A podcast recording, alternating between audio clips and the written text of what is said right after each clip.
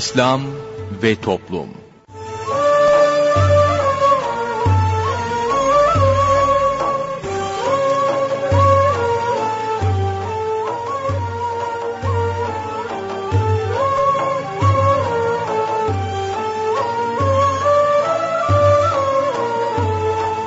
Merhaba sevgili dinleyicilerimiz yeni bir programla daha sizlerle birlikteyiz. Bugün ana kumanda masasında arkadaşımız İsmail Sert görev yapıyor. Ben Mustafa Toköz programı sunuyorum. Programımıza şiirlerle menkıbeleri yayınlayarak başlayacağız. Daha sonra ilahi dinleyeceğiz. İlahinin ardından günlük sohbetimizi paylaşacağız. Daha sonra Hayatım Roman gelecek ve son olarak da Sorun Söyleyelim de Osman Ünlü hocamızla birlikte olacağız. Şiirlerle Menkıbeler Celaleddin Hindi rahmetullahi aleyh namaz büyük ibadet. Bu zat buyuruyor ki namaz büyük ibadet. Müslüman beş vaktini kılmalı her gün elbet. Bu bapta Resulullah buyurur ki mealen Allahü Teala'ya yemin ederim ki ben nasıl temizlenirse su ile kirli şeyler beş vakit namaz dahi günahları temizler. Yine buyurdular ki Resulullah bir kere, ne mutlu evlerini mescit eyleyenlere. Takva sahiplerinin evi mescit gibidir. Mescitler Rabbimizin en sevdiği yerlerdir. İki rekat nafile namazın ecrini siz bilseydiniz dağlardan daha büyük derdiniz.'' Hele farz namazlara verilen sevap, ecir öyle çok ki vasfetmek bile mümkün değildir. Merkez Efendi diye bir veli vardı hatta.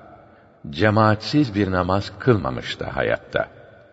Bir vakit cemaate yetişmeseydi eğer, kılanlardan birine derdi ki o bu sefer, ömrümde bir namazı cemaatsiz kılmadım.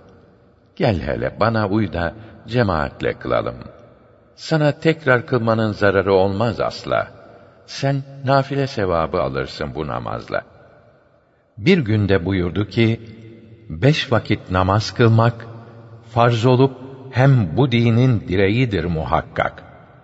Namaz kılan bir kimse, dinini doğrultmuştur. Namaz kılmayan ise, dinini yıkmış olur. Her zaman cemaatle kılmalı ki namazı, 27 derece çoktur ecri sevabı. İlk tekbiri imamla birlikte almalıdır. İlk safta yer bulmaya hem de çalışmalıdır. Bunlardan bir tanesi yapılamazsa eğer matem tutmalıdır ki ne yapsa buna değer. Kamil olan bir mümin namaza durduğunda dünyadan ahirete girer sanki o anda. Çünkü namaz müminin miracıdır esasen. Allah'a yakınlık da namazda olur zaten. Namazda Allah ile kulların arasında bulunan perdeler de kaldırılır aslında. Resulullah Miraç'ta Rabbinin izniyle Allahü Teala'yı görmüştü baş gözüyle. Veliler de ne vakit namaza durmuş olsa Allah'ı görür gibi bir hal olur hülasa. Nitekim buyurdu ki bir hadiste o server mümin namaz kılmaya başlayınca her sefer cennetin kapıları onun için açılır. Rabbi ile aradaki perdeler kaldırılır. Cennetteki huriler karşılar onu derhal. Namaz bitene kadar devam eder iş bu hal.'' Hiç bulunmaz. Akranı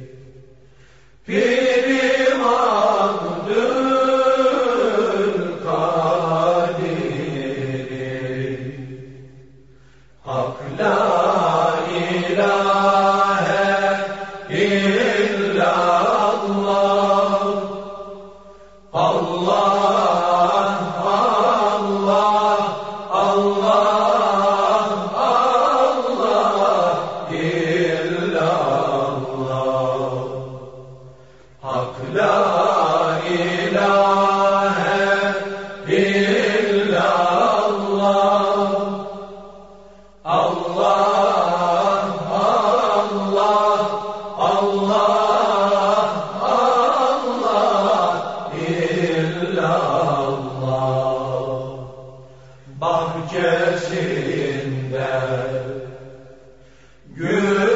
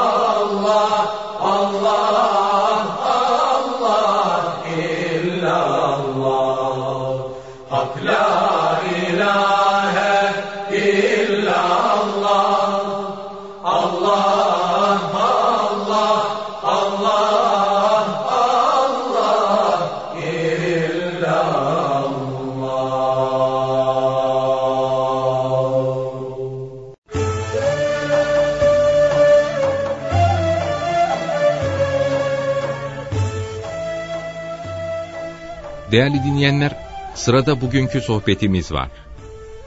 Sohbetimizin başlığı Aşure günü ve gecesi. Muharrem ayının 10. gününe Aşure günü, 9. günüyle 10. günü arasındaki geceye de Aşure gecesi denir. Muharrem ayı Kur'an-ı Kerim'de kıymet verilen dört aydan biridir. Aşure bu ayın en kıymetli gecesidir. Allahü Teala birçok duaları Aşure günü kabul buyurdu. Nuh aleyhisselam gemide aşure tatlısı pişirdiği için Müslümanların Muharrem'in 10. günü aşure pişirmesi ibadet olmaz. Peygamber Efendimiz ve Eshab-ı Kiram böyle yapmadı. Bugün aşure pişirmeyi ibadet sanmak bid'attir, günahtır. Peygamber Efendimizin yaptığı veya emrettiği şeyleri yapmak ibadet olur. Din kitaplarının yazmadığı, ehl-i sünnet alimlerinin bildirmediği şeyleri yapmak, sevap olmaz, günah olur. Bugüne mahsus ibadet sanmadan herhangi bir tatlı yapmak, tanıdıklara ziyafet, fakirlere sadaka vermek sünnettir, ibadettir. Aşure gününün faziletleri hakkında hadis-i şeriflerde buyuruldu ki, Aşure gününün faziletine kavuşmaya bakınız. Çünkü o gün Allahü Teala'nın günler arasında seçtiği mübarek bir gündür. Bugün oruç tutan kimseye Allahü Teala meleklerin, peygamberlerin, şehitlerin ve salihlerin ibadetleri kadar sevap verir. Aşure günü oruç tutun, çoluk çocuğunuza iyilik yapın. Bir kimse aşure günü çoluk çocuğuna iyilik yapıp sevindirse, Allahü Teala ona senenin diğer günlerini iyi eder. Ramazan-ı Şerif ayındaki oruçlardan sonra en faziletli oruç Muharrem ayının orucudur. Farz namazlardan sonra en faziletli namaz gece namazıdır. Aşure gününün orucu bir senelik geçmiş günahlara kefarettir. Aşure günü zerre kadar sadaka veren kimseye Allahü Teala Uhud dağı kadar sevap verir. Aşure günü gusleden Allahü Teala katında annesinden yeni doğmuş gibi günahlarından temizlenir. Aşure günü bir yetimin başını okşayan kimseyi Allahü Teala yetimin her kılı için cennette bir derece yükseltir. Allahü Teala Aşure gününü diğer günlerden üstün kılmıştır. Allahü Teala gökleri, yeri, dağları, denizleri, yıldızları, arşı ve melekleri Adem aleyhisselamı Aşure günü yarattı. İbrahim aleyhisselamın dünyaya gelişi ve Nemrud'un ateşinden kurtuluşu Aşure günü oldu. Oğlunun yerine kesmek için büyük koç ihsan edildi. Firavun'un boğuluşu, İsa aleyhisselamın göğe kaldırılışı, Eyüp aleyhisselamın beladan kurtuluşu Aşure gününde olmuştur. Muharrem ayında bir gün oruç tutana, bugüne karşılık 30 gün oruç sevabı yazılır. Aşure gecesi bir mümine iftar verene Allahü Teala katında bütün ümmeti Muhammed'e iftar vermiş, karınlarını doyurmuş gibi sevap yazılır. Aşure gününde bir hastayı ziyaret eden bütün insanları ziyaret etmiş gibi olur. Aşure gününde bir kimseye su veren hiç isyan etmemiş gibi olur. Aşure günü tutulan oruç 40 yıllık günaha kefarettir. Aşure gecesini ihya edip sabahleyinde oruç tutan kimse ölüm acısını duymayarak vefat eder. Muharrem'in onunda tutulan oruç bir senelik gelecek günahlara kefaret olur. Aşure günü oruç tutmanın sevabı çoktur. Yalnız aşure günü oruç tutmak caiz değildir, mekruhtur. Mekruh olmaması için Muharrem'in 9. 10. veya 10. 11. veya 9. 10. ve 11. günleri tutmak lazımdır. Abdullah bin Abbas Hazretleri buyurdu ki, Muharrem'in 10. gününde oruç tutmak istiyorsanız 9. ve 10. günleri de tutunuz. Yahudilere benzemeyiniz. Hazreti Hüseyin 10 Muharrem'de şehit edildi. O yüce imamın şehit edilmesi bütün Müslümanlar için büyük musibet ve üzüntüdür. Hazreti Ömer, Hazreti Osman, Hazreti Ali ve Hazreti Hamza'nın şehit edilmeleri de böyle büyük musibet ve üzüntüdür. Fakat Peygamber Efendimiz Hazreti Hamza'nın şehit edildiği günün yıl dönümlerinde matem tutmadı. Matem tutmayı da emretmedi. Matem yasak olmasaydı herkesten önce Peygamber Efendimizin ölümü için matem tutulurdu. Hadis-i şerifte buyuruldu ki matem tutan ölmeden tövbe etmezse kıyamette şiddetli azap görür.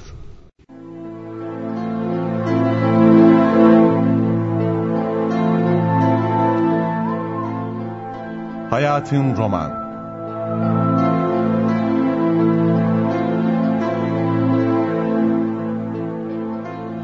Çocuklara acıyın.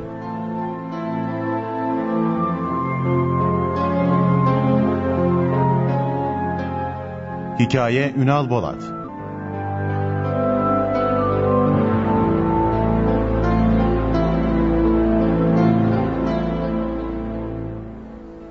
Benim adım Ahmet Tuğrul. Sizlere başımdan geçen bir olayı anlatmadan evvel mesleğimi söyleyeyim. Efendim benim işim taksi şoförlüğü. Gece demeden, gündüz demeden İstanbul'un caddelerini, sokaklarını geziyorum. Üç kuruş ekmek parası kazanacağız diye sarhoşların kahrını çekiyoruz. Hamile kadınları veya hasta insanları hastanelere yetiştiriyoruz. Acil işi olanları da gidecekleri yere yetiştirmek için yollarda olmadık varyeteler çekiyoruz. E, yavaş gittiğimiz zaman müşteriler kızar işim acele diye. Hızlı sürdüğümüz zaman da aman bir kaza olacak diye ikaz ederler. Yani yemeklerimizi bile bazen direksiyon başında yemek mecburiyetinde kalırız.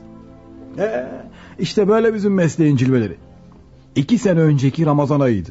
Bir akşamüstü evime yakın bir yere yolcu götürmüştüm. E, vakitte daraldığından fırsat mı fırsat deyip arabayı eve doğru sürmeye başlamıştım. Bir baktım iki kişi durmam için işaret etti. E, bir an tereddüt ettim alıp almamak hususunda. E, çünkü zaten iftara az bir süre kalmış. Eh, ben de çocuklarımla birlikte orucumu açmak istiyordum.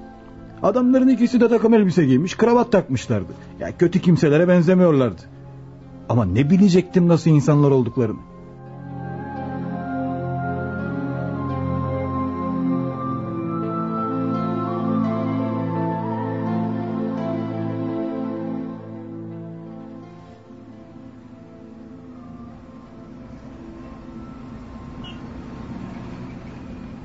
Nereye gidecektiniz kardeş? Sarıyer'e gitmek istiyorduk. Olmaz arkadaş. Sarıyer buraya çok uzak. Zaten iftarada çok az vakit kaldı. Bugün evimde çocuklarımla iftar yapmak istiyordum. Abi lütfen be işimiz çok acil. Başka hiç taksi durmuyor. Eğer siz de bizi götürmezseniz çok zor durumda kalacağız. Ya yani ne kadar para isterseniz vermeye razıyız. Lütfen. Pekala pekala gelin bakalım. İnsanlık ölmedi ya.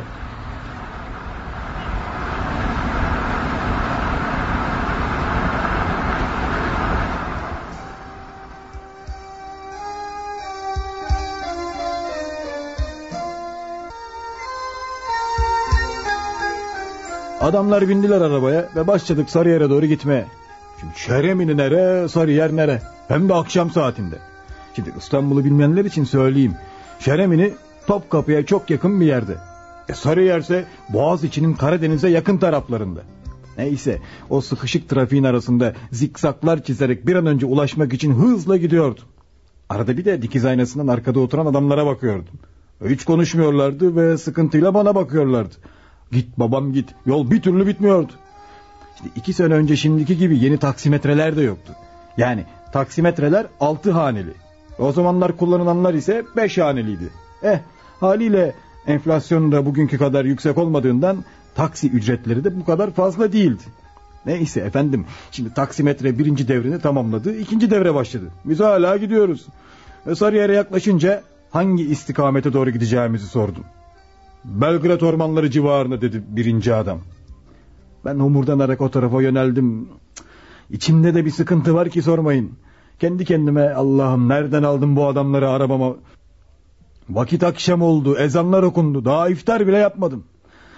Bir an önce şunlar arabadan inseler diye içimden dualar ediyordum. Fakat nafile Ben tam bunları düşünürken aralarında fısıldaştıklarını gördüm.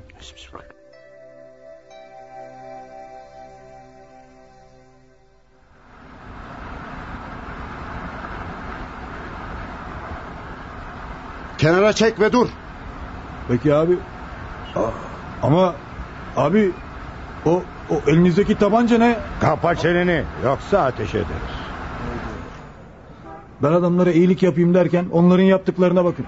Biri tabanca diğeri de iri bir bıçak çekmişti. İyilik olsun diye Taksim'e aldığım adamların hiç şakası yoktu. Tabancanın namlusu şakağıma dayalıyken bıçağın ucunun da sırtımı acıttığını hissediyordum. Ya biraz direnecek olsam hiç acımadan beni öldüreceklerdi. O kısacık an içerisinde hanımım, çocuklarım gözümün önüne geldi. Ha, işte ömrüm bu kadarmış. Şimdi birazdan seni öldürecekler. Arabanı ve paranı alıp gidecekler. Hatalarınla, sevaplarınla ahirete göçeceksin.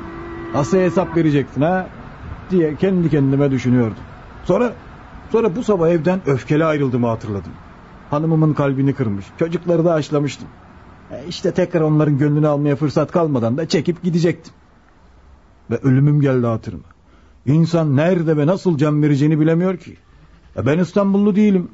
Şimdi yeni doğduğunda biri ana babama sizin oğlunuz büyüyecek, evlenip İstanbul'a yerleşecek, bir taksi alarak taksiciliğe başlayacak, sonra onu bir gün falan yerde öldürecekler deseydi herhalde bizimkiler mümkün değil inanmazlardı. Evet daha neler neler geldi hatırıma. Bu hepsi çok kısa bir zaman diliminde geçmişti gözümün önünden. Artık çarem olmadığına kesin inanmıştım. Başladım içimden bildiğim duaları okumaya.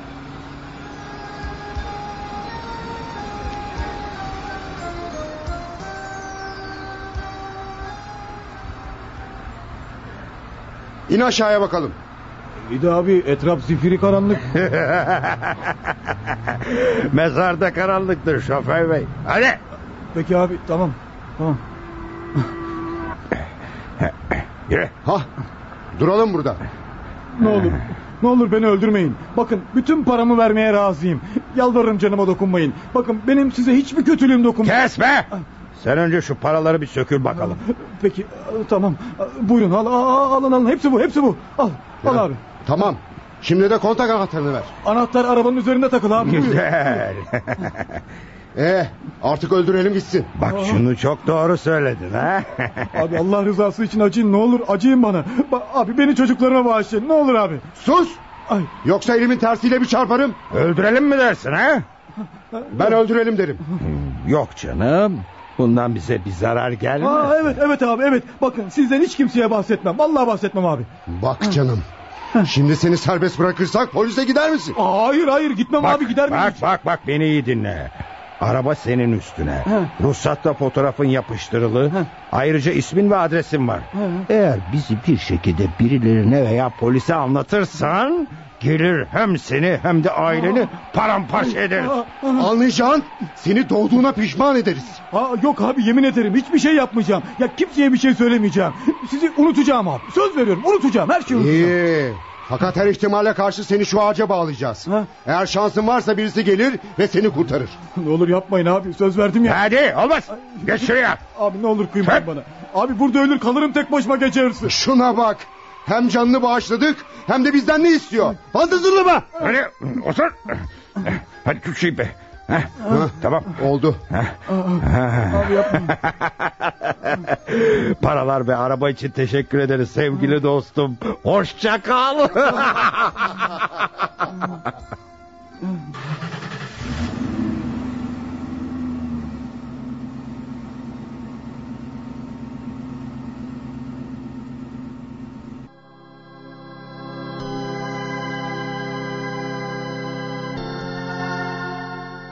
İşte böyle.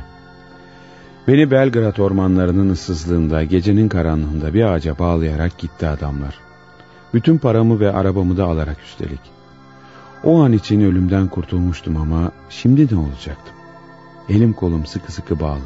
Üstelik sabahtan beri ağzıma lokma koymadığımdan da dermansızdım. Aziz mübarek günde başıma gelenlere bakın. Öylece saatler boyu bağlı kaldım orada. Aklım başımdan gittiğinden hiçbir şey düşünemiyordum bile. Halsizlikten bir müddet sonra başım önüme düşmüş ve sızıp kalmıştım. Uykuyla uyanıklık arası bir haldeyken gözümün önüne rahmetli babamın hayali geldi. Bana gençliğimde bir nasihatte bulunmuştu. Onu hatırladım birden. Babam bana şöyle demişti. Oğlum, ne zaman zor bir durumda kalırsan, evliyanın büyüklerinden, Abdülkadir Geylani Hazretlerinden, Allahu Teala'nın izniyle yardım iste. Bir iznillah yardım şimşek gibi gelir. Evet, babam sanki bu sözleri bana şimdi söylüyordu. Babamın hayali gözümün önünden gidince hemen Cenab-ı Hakk'a yönelerek dua etmeye başladım.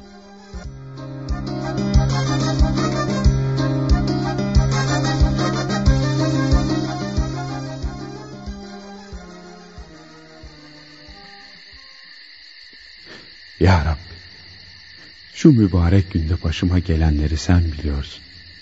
Muhakkak benim bir günahım vardı ki kefaret olarak sen böyle uygun gördün. Şimdi tövbe ediyor ve canı gönülden senden bağışlanmak diliyorum. Yüce Allah'ım, senin izninle Abdülkadir Geylani Hazretlerinden yardım istiyorum. Beni bu zor ve müşkül durumdan kurtar. Ey Abdülkadir Geylani Hazretleri, Allahu Teala'nın izniyle yardımıma yetiş.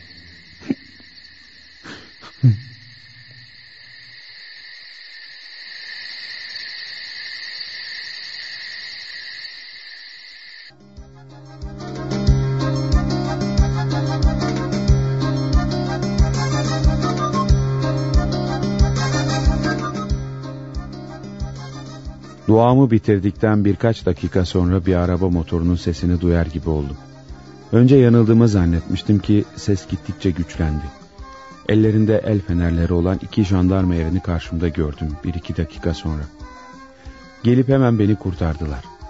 Olanları anlattım. Beni alıp karakola götürdüler ve ifadem alındıktan sonra bir arabayla evime gönderdiler. Hırsızlar o gün bugündür yakalanmamış durumdalar. Arabamda kayıplara karıştı. Allah'a şükürler olsun o badireyi böylece atlattım. Bir süre sadaka verdim. Şimdi borç harç aldığım ikinci arabamla taksicilik yapıyorum. Ama elimden geldiğince dikkatli davranıyorum ve tevekkül ediyorum. Eee, atalarımız ne demişler? Tedbir bizden, takdir Allah'tan. Buyurun Rahman'ın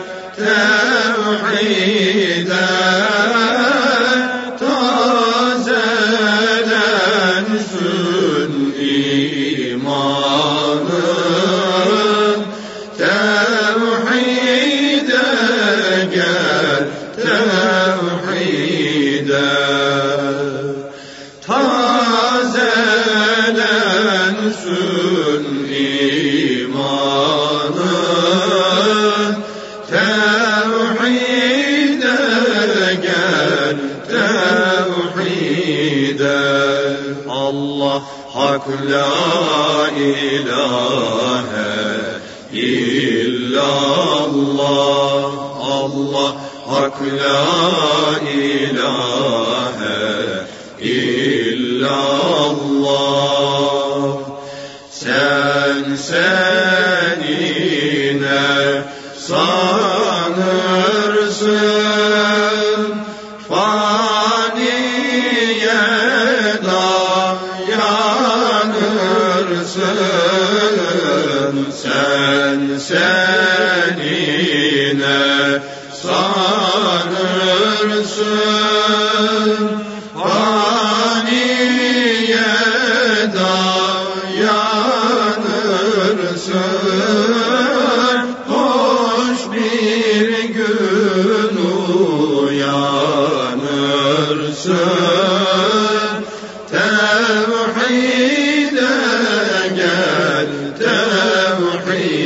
gider Hoş bir gün uyanırsın.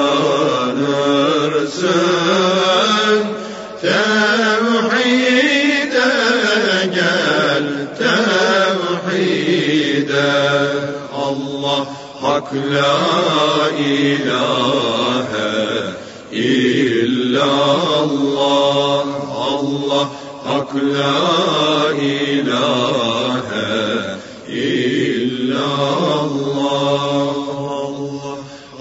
hak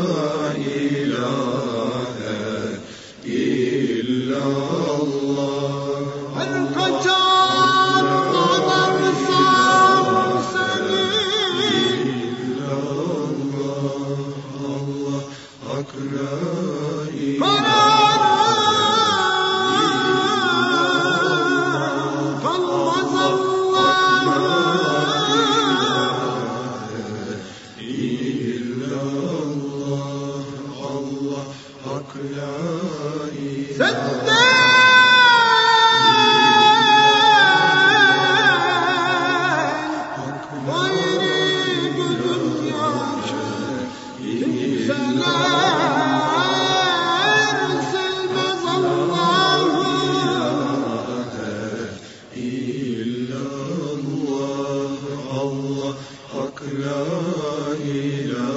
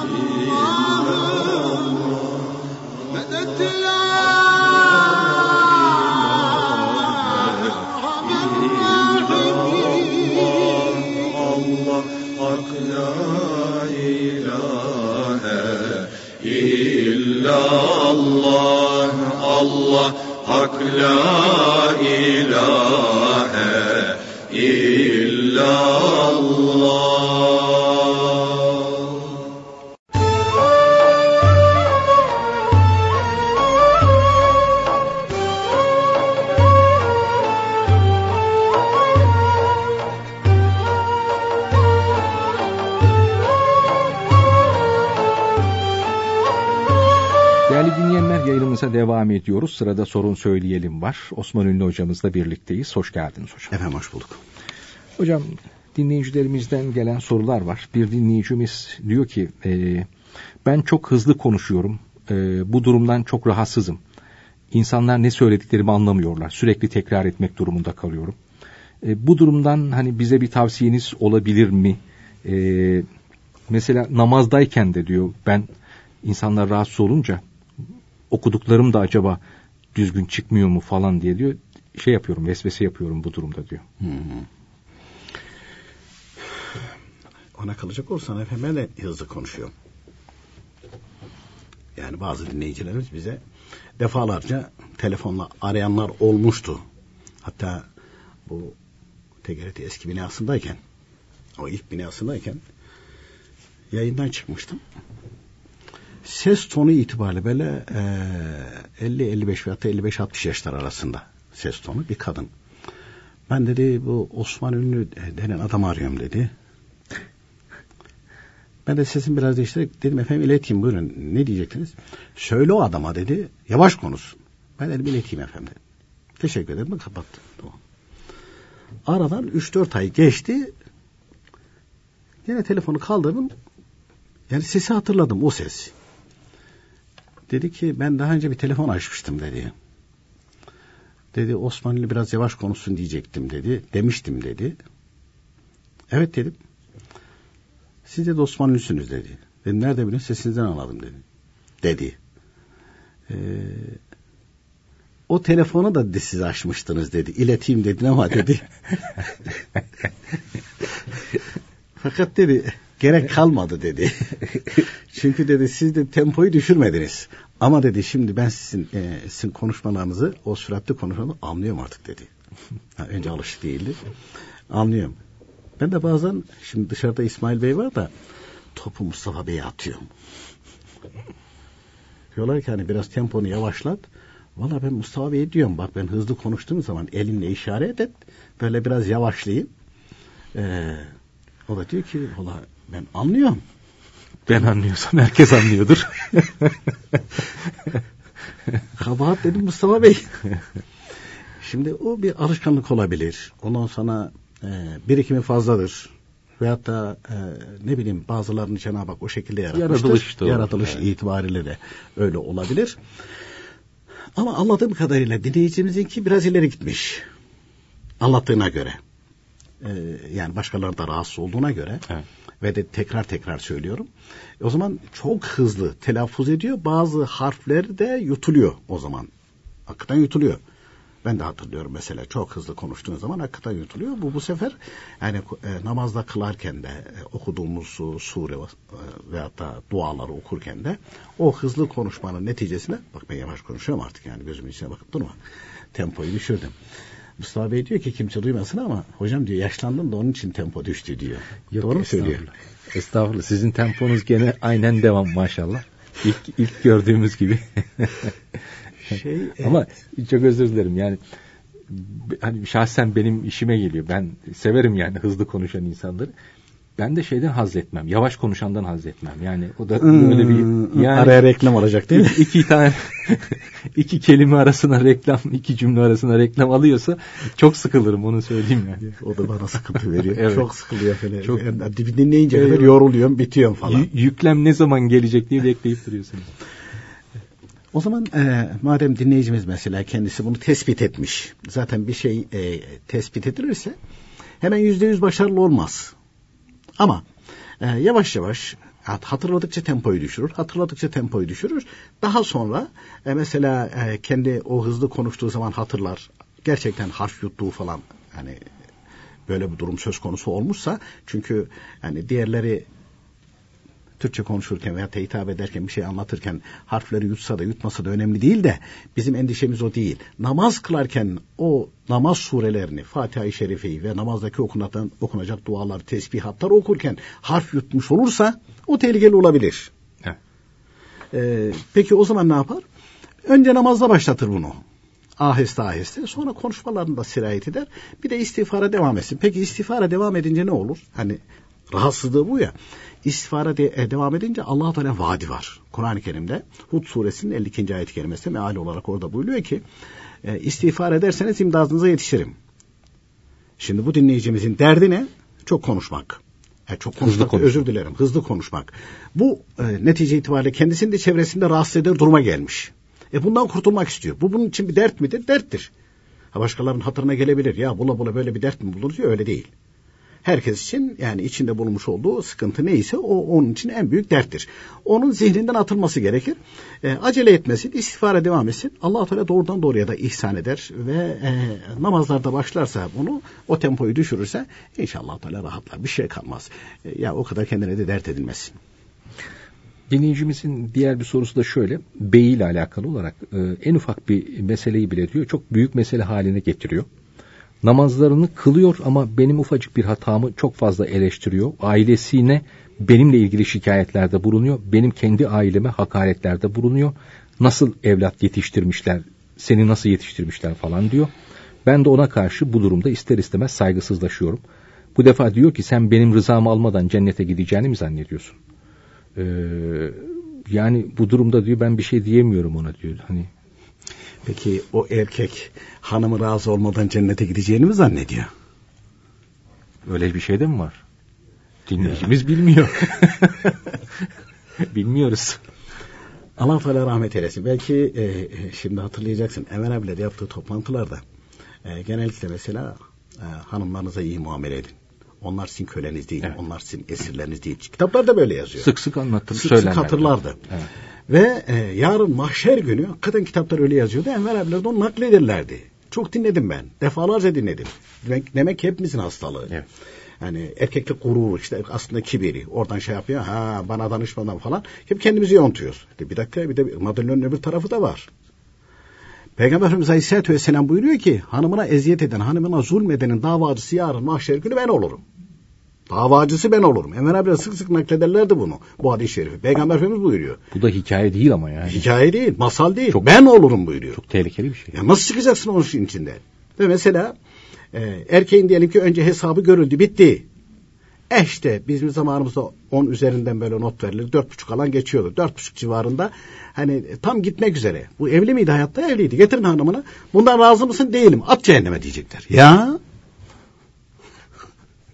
ya yani o ya ne kadın için bu e, aynı şekilde efendim benim haklarım var, hukukum var falan. Tamam hakkın var ama karşı tarafın da aynı şekilde hakkı var. Senin hakkı var, onun da var. Erkeğin işte ben haklıyım falan. Sen haklısın ama hanımın da hakkı var. Kadın diyor ki benim dedikleri hayır. Allah Teala sana belli vazifeler vermiş kadına. Belli haklar vermiş. Erkeğe de belli haklar vermiş, belli vazifeler vermiş. Karşılıklı bunların vazifeleri ve hakları da var. Herkes kendi vazifesini yapar, karşısının hakkına da riayet eder. Efendim benim de yok. Orada benim yok. Teraziye koy verecekler şöyle önüne. Şöyle. Hatta Allah rahmet eylesin. Emel abiler onu da sık sık e, naklederlerdi. Hüseyin İlmi Efendi rahmetullahi teala aleyh haber ederlermiş. Kardeşim buyurlarmış. Çok kimse ben haklıyım, ben haklıyım der. Ve o şekilde de mizana kadar gider. Alacaklarım var falan. Ama orada mutlak adalet tecelli edecek. Teraziye konunca o haklıyım diyen kimselerin çoğu borçlu çıkacak. Asıl müflis? Tabii ya. Asıl müflis o zaman o ortaya çıkacak. Ve bir şey daha var. O da tehdittir erkekler için. E, bir kişinin başında bile amir olanın bir eli bağlı gelecek mizanın başına. O ne demek? Ya Allah Teala erkekleri e, evin amiri olarak bildirmiştir. Hanenin amiri olarak. Kadın kocasına mesul değil ama erkek hanımından mesul. Onun tesettüründen, namazından, ondan sonra nafakasından o sorumlu. Çocuklar? Çocuklardan da aynı şekilde o sorumlu. E, yükü ağır. Elinin biri bağlı gelecek. Yani hanede reis durumunda, müdür durumunda. E peki efendim hanım itaat etmiyorsa vebalini ahirette kendi çeker. Hiç olmaz. Erkek gerekeni yapar, vazifelerini yerine getirir. Bu da dinlemezse kocasına kocasına sormazlar o zaman. Gel bakalım derler. O sana doğruyu anlattı ama sen dinlemedin. Sen nefsine doğru, e, nefsinin emrettiklerini yerine getirdin. Buyur, buyur. Nefsin de seni cehenneme götürüyor. Ayıkla pirincin taşını. Ayıklayabilirsen ayıklarsın tabii orada. Dolayısıyla erkeğin eli bağlı gelir. Yani çocuklarına dinini öğretmiş mi? Hanımına bu emri maruf yapmış mı? Çünkü hepsi amel defter, kiramen katip melekleri tarafından ve takır takır takır takır masaya yatırılacak. Hepsi yatırılacak. Erkek dünyada hiçbir şey dememiş. Kadın kendi başına almış gitmiş, istediğini yapmış, istediğini satmış. Çocuklar aynı şekilde hiç müdahale etmemiş falan. Efendim ben ne yapayım ben şey yapamadım. Melekler atacaklar sayfayı. Senin ömründe bir defa bu çocuklara ve bu kadına aynı şekilde emir maruf yaptığın yok. Yazılı değil. Yapmadın ki. Yapmadın. Dolayısıyla sen de bunlarla beraber. Sen de bunlarla beraber. Onun için efendim erkek kalkıp da benim rızam olmadan cennete yok öyle bir şey. Bir de orada bir laf var. E, laf söylüyor. E, e, habere aynı şekilde hanımıyla olan münasebetleri götürüyor. Kendi annesine babasını anlatıyor. Erkeklik mi bu? Sen nasıl hane reisisin ki? Ya o orada kalması lazım. E peki hanımın da senin aynı şekilde e, yani evin içerisindeki za, e, zafiyetlerini dışarıya deşifre etmiş olsa ne yapacaksın? Sen mükemmel misin ya? E sen mükemmel misin? Herkesin içerisinde onu mahcup ediyorsun, herkesin içerisinde öyle yapıyorsun falan. Bazılarının hani e, bugünkü tabirle egosu şişkin diyorlar tamam mı? Evet. Kibir yani. Evet. Kadın olsun erkek olsun. Yani başkalarının yanında mesela e, kocasına üstünlük taslıyor. Veyahut da erkek başkalarının yanında karısına üstünlük taslıyor falan. Ya sen ne, kime karşı üstünlük taslayacaksın ki sen? Nesin ki? Eğer gerçekten imanı varsa zaten bu kibirdir. Bundan kurtulmak için uğraşırsın. Bundan kurtulmak için uğraşırsın. Dolayısıyla efendim erkeğin oradaki yaptığı o davranış yanlış bu bir. Ben razı olmadığı müddetçe cennete giremezsin. O da avcunu yalarsın. Hani bazen oluyor Anadolu'da çoktur o. Sen namaz kılıyorsun ama ben senden razı değilim ki. Adam namaz falan kıldığı yok. Ya seni dinleyecekler sanki. Ha, tam sopalık adam ha. Tam sopalık adam. Sen beni dinlemen lazım falan. Sen ne ki? Sen kimsin ki ya? Adam bir anlatsan ben var ya diye başlar tabii anlatmaya da. Şimdi neticede bir sorusu daha var bu dinleyicimizin. O da hani namaz falan kılıyor demişti de e, iş, iş yerleri bu eşinin iş yerleri yani bu kadının kocasının zaman zaman böyle yılbaşı eğlencesi gibi eğlenceler düzenliyormuş. İçkili tabii bunlar. E, ben içmiyorum ama yine de gitmem lazım. Git gideceğim orada bulunacağım falan işte hoşuma gidiyor falan diyormuş. E, ne kadar uygun dille anlatsa da bu dinleyicimiz de o da sen karışma benim erkeğin işine karışılmaz falan. Tabii canım erkeğin işine karışır mı? Erkeğin işine karışır mı? Ondan sonra da hanımına diyor ki ben izin vermese. Hmm. Hanımın sana izin vermeden sen cennete girebilecek misin bakalım? Tersi o. Yani. allah Teala muhafaza buyursun. Efendim peki ne yapacak bu kadıncağız? Dua edecek ya Rabbi dinini bilen seven kimselerle karşılaştır. Hidayet nasip etti. Dua edecek. Çocuklar varsa onların kahrını çekecek. Veyahut da ailesiyle görüşür. Eğer hani çekilemeyecek duruma gelirse kendileri karar verecekler. Bir başka dinleyicimizin şöyle bir sorusu var hocam. Dinleyicimiz diyor ki e, benim üç buçuk yaşında bir kızım var. E, bir hanım dinleyicimiz. E, çalıştığım için bunu yuvaya vermek zorunda kalıyorum. Ama orada da yanlış bilgiler veriyorlar. Üç buçuk yaşındaki çocuğa dini konularda.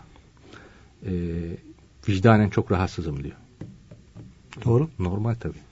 Normal bir şey. Bugün gazetelerde var dikkatimi çekti. Ee, çalışan hanımların, kadınlar problemli oluyor diye. Çocukları. Çocukları. Problemli oluyor. Ben ilk öğretmenliğe başladığımın e, yıllardaydı. E, işte emeklisine e, birkaç sene kalmış. Yaşlı bir hanım. Bizim e, liseye de bu ücretli olarak derse gelirdi bu kadıncağız. Bazen benim dersim olmadığı zamanlarda e, onun böyle işte de, e, geldiği zaman olurdu falan. Bir gün böyle kadıncağız dedi ki eğer dedi şimdiki aklım olsaydı dedi ben katiye çalışmazdım dedi. Kocası çalışıyor kendisi çalışıyor. Niye dedim çalışmazdım. Bizim dedi iki tane çocuğumuz vardı. Biz de çeşitli yerlerde benimle beraber çalıştık dedi. Sabahleyin kalkardık o küçük çocuğu dedi birisine emanet etmek için. Kimisi nazlanır, kimisi kapmaz, şey yapmaz hadi kreş mereş falan oralar her gittiği yerde de o zamanlarda bulunmuyordu falan dedi. E, dolayısıyla dedi ben çocuklarıma dedi gerçek manada herhangi bir şey aktaramadım. Veremedim. E, veremeyince de problem oluyor. Hatta bir tane bir e, matematik öğretmeni, kadın bir öğretmen vardı falan. İşte kocası onda bankada bir yerde çalışıyordu. Oğul vardı lisede. Habire problemliydi çocuk habire problemliydi. İşte kadıncağız hem öğretmenlik yapıyor hem de analık şefkatiyle onu koruyor, kollamaya çalışıyor falan ama zıp, çıktı, zıp çıktığının birisiydi çocuk. E çünkü anne şefkati, baba şeyi görmedi. Aile e, saadeti, aile sevgisi, aile yuvası görmedi. Rüya verse ne olacak? Orada yanlış şeyler öğrenecek. Anne şefkati, anne sevgisi gene olmayacak bunun. Çok küçük çünkü. E, mümkün değil o. E, peki Allah böyle yardımcısı olsun. Zor bir durum. E, ya ee, eğer annesi hayattaysa onlar bakıcılık yapacak anneanne çocuğa veya babaanne yapacak. Başka çaresi yok. Ee, şimdi bazıları alınabilir ama bazıları böyle e, zaman zaman aynı şekilde şey dürtüyor. E, ben çalışacağım, bağımsızlığımı ilan edeceğim. Neyi bağımsız ilan ediyorsun ya? Ne bağımsız? Ekonomik bağımsızlığı elde edecekmiş. Çalışıyor. Herkese oradaki çalıştığın yerlere süslü görünmek için zaten maaşın yarısı oraya gidiyor. Yarısı da makyaja gidiyor. Elde avuçta hiçbir şey kalmıyor. Peki ne özgürlüğü bu? Çocuklar da sefil oluyor. Adı bunun çalışmak oluyor. Bakıcı tutuyorsun veya kreşe veriyorsun. Onların da parası var. E, senin cebinden çıkıyor. Yani. E, yani Bakıcı hepsine... parasına gidiyor maaşın zaten.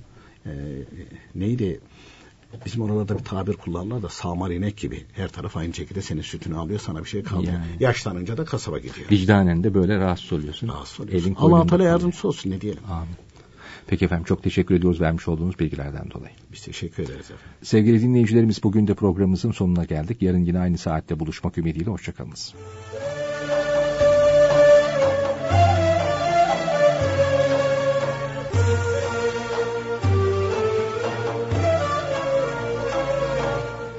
İslam ve Toplum